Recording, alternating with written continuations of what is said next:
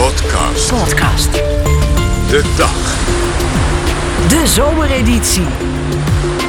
Hi, Elisabeth hier. De dag is met zomerstop tot 17 augustus. Maar een dag zonder de dag, dat kan natuurlijk niet. En daarom heb ik een paar van mijn favoriete gesprekken van de afgelopen maanden uitgekozen. Van alle mensen die ik tijdens die eerste crisisfase van de corona-uitbraak gesproken heb, is IC-verpleegkundige Linda de Roos me misschien wel het meeste bijgebleven. De aflevering ging over de grote mentale impact van corona op hulpverleners. Linda is een doorgewinterde verpleegkundige die voor corona al veel had meegemaakt, maar dit was anders dan anders. Het ontroerde me hoe ze zichzelf op de been hield, haar positiviteit. Op een IC moet je zoeken naar lichtpuntjes, zei ze. En ik dacht, dit is iemand die je op je meest kwetsbare moment aan je bed wil hebben. Fijn dat je luistert. Ik ben Elisabeth Steins en de zomerdag is donderdag 30 juli. Het is een bizar drukke tijd. En ehm, ja, dit maak ik voor het eerst in mijn carrière mee. Dus ehm, nou, dit is best wel heftig eigenlijk. Linda de Roos is intensive care verpleegkundige in het UMC Utrecht. Ook bij haar op de afdeling komen er veel meer patiënten binnen dan normaal. En waar zij normaal één of twee patiënten onder haar hoede heeft, zijn dat er nu drie of vier. En ze herkent ook het beeld dat Diederik Gommer schetste: dat het verplegend personeel daardoor bang wordt om fouten te gaan maken. Het voelt nu een beetje als een improvisatietheater hoe we werken, weet je wel. En ja, wij zijn gewoon mensen, wij, willen het perfect. En dat gaat straks niet meer kunnen. En hoe lang gaat dat dan duren? En stel, stel er overlijdt nu binnenkort iemand omdat ik vier patiënten had en eentje is daar net uh, bij ingeglipt. Ja, dat zou ik echt heel heftig vinden. En iedereen dus met mij. Dus als dit best wel lang duurt, dan vergt dat veel van ons. Ja. Het gaat nu eigenlijk eerder om kwantiteit dan om kwaliteit. Alleen dat gaat er bij ons niet goed in. Wij willen gewoon ja, heel goed voor de patiënt zorgen. Alleen de puntjes moeten nu van de i. En dat is voor heel veel echt heel lastig. Dat kan ik je zeggen. En dat vind ik zelf ook heel lastig. Ik ben iedere dienst, op het einde van mijn dienst, dan, dan, uh, dan zucht ik echt van opluchting. Van, oh, nou, het is goed gegaan. En de volgende dienst neemt het over.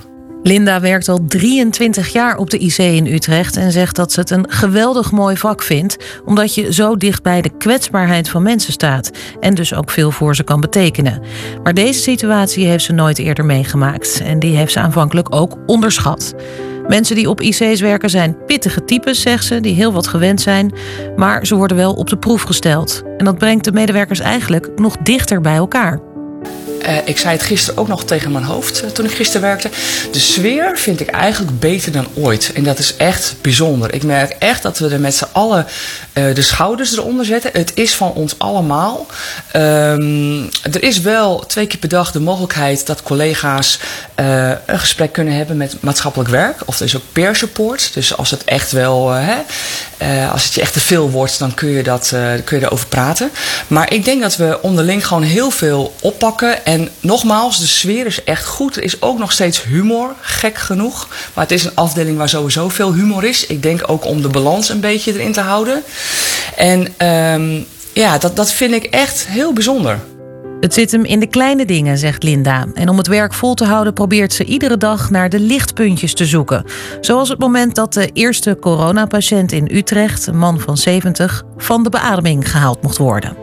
Ik zei al tegen die patiënt, ik zeg, dit wordt echt een feestelijk moment, want dit is zo speciaal. Terwijl, ik heb weet ik hoeveel mensen in mijn carrière van die beademing afgeholpen, maar nu ineens voelde het zo anders. Die man in tranen, ik had de tranen in mijn ogen staan.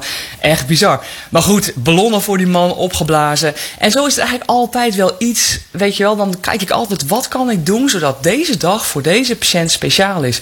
En of dat nou is een hond naar het ziekenhuis halen, wat echt heel dierbaar is voor de patiënt, of nou ja, wat ook. Uh, een familielid die bij hè, de partner in bed wil liggen, de zieke partner. Dat kan nu helaas niet. Dat vind ik overigens ook heel schrijnend, dat er geen bezoek is. Maar goed, dus ik probeer altijd ergens iets moois uit te halen. Omdat, ja, hoe belangrijk is het als je daar ligt? In je eentje nu ook, hè? Het is eenzaam. En nou, die man die was zo dankbaar toen die beademing eruit ging en wij daar echt iets, of ik daar echt even moeite voor deed. En uh, ja, dat geeft mij dan ook een heel goed gevoel. Dat soort momenten, maar ook hoe wij als collega's uh, elkaar ondersteunen. Dat is wat ons hier nu uh, doorheen gaat halen. En wat heel belangrijk is, en wat dus hè, het hoofd gisteren ook benadrukte. Als er een fout gemaakt wordt, wij staan achter jullie. Want nogmaals, dat is de grootste angst ook ja. wel. Je had het over die uh, familie hè, van uh, patiënten ja. die er niet bij kunnen. Dat is iets wat ik uh, vaker terug hoor komen. Van dat dat ook een enorme impact heeft natuurlijk op de patiënten zelf. En op de familie die eigenlijk op de gang afscheid moeten nemen van elkaar. Klopt. Hoe heeft dat invloed op jullie als verplegend personeel? Kijk, wij hebben in dit ziekenhuis 24 uur per dag bezoek. Dat kan soms heel erg onrustig zijn, want mensen komen soms te pas en te onpas binnen. Dat is er nu niet. Dat geeft ergens rust. Maar tegelijkertijd ja, vind ik het enorm schrijnend uh, dat de patiënten daar liggen uh, ja, zonder uh, hun, hun dierbaren. En dan vind ik het nog erger voor de dierbaren, want de meeste patiënten liggen dan toch in slaap of op de buik of krijgen dat niet echt mee. Dus toen ik eergisteren werkte, toen heb ik met de telefoon van de patiënt, terwijl de patiënt volledig in coma aan de beademing ligt, de partner gebeld, gevideobeld, zodat ze toch hem uh, kon zien. En dat zijn voor de familie zulke waardevolle uh, momenten. Dus uh, ja, ook daar ehm, zijn we nu heel creatief in. Van hoe kunnen we het contact mogelijk maken. Ze worden sowieso iedere dag op een vast tijdstip door de arts gebeld. Maatschappelijk werk belt iedere dag ook met de familie om te vragen hoe het gaat. Maar dit vind ik zelf het wel echt heel schijnend. Omdat ik denk van ja, als er iemand van mijn dierbaren daar ligt Oh, dat zou ik echt heel heftig vinden. Nou, is ook een terugkerend ding van... het zit gewoon in de aard van het beestje van zorgmedewerkers... om aan te staan, door te gaan, te willen helpen, niet piepen. Maar daar zit ook een risico in, dat je dus jezelf voorbij loopt. Zie jij dat gebeuren? Ik zie dat uh, mensen allemaal uh, heel veel extra diensten uh, nu gaan werken. ja, ik hoorde gisteren ook iemand zeggen, en dat ervaar ik zelf ook zo... dat als je thuis zit, want je bent vrij, dat je denkt... Hmm, ik ben daar meer nodig. Uh, dus dat je eigenlijk wel vrij bent, maar je niet helemaal vrij voelt eigenlijk. Als je weet dat het daar uh, zo druk is. En toch tegelijkertijd probeer ik de dagen dat ik vrij ben echt vrij te zijn en te ontspannen. En geen corona nieuws of wat ook. Want dit moeten we nog wel een tijdje volhouden. Dus als wij er nu allemaal vol instappen en uh, alleen maar werken, ja, dan gaan wij zelf omvallen. Ja. Uiteindelijk. En dat is ook nog eens een angst. Uh, er zijn ook collega's die ook al uh, thuis zitten of hebben gezeten met het virus.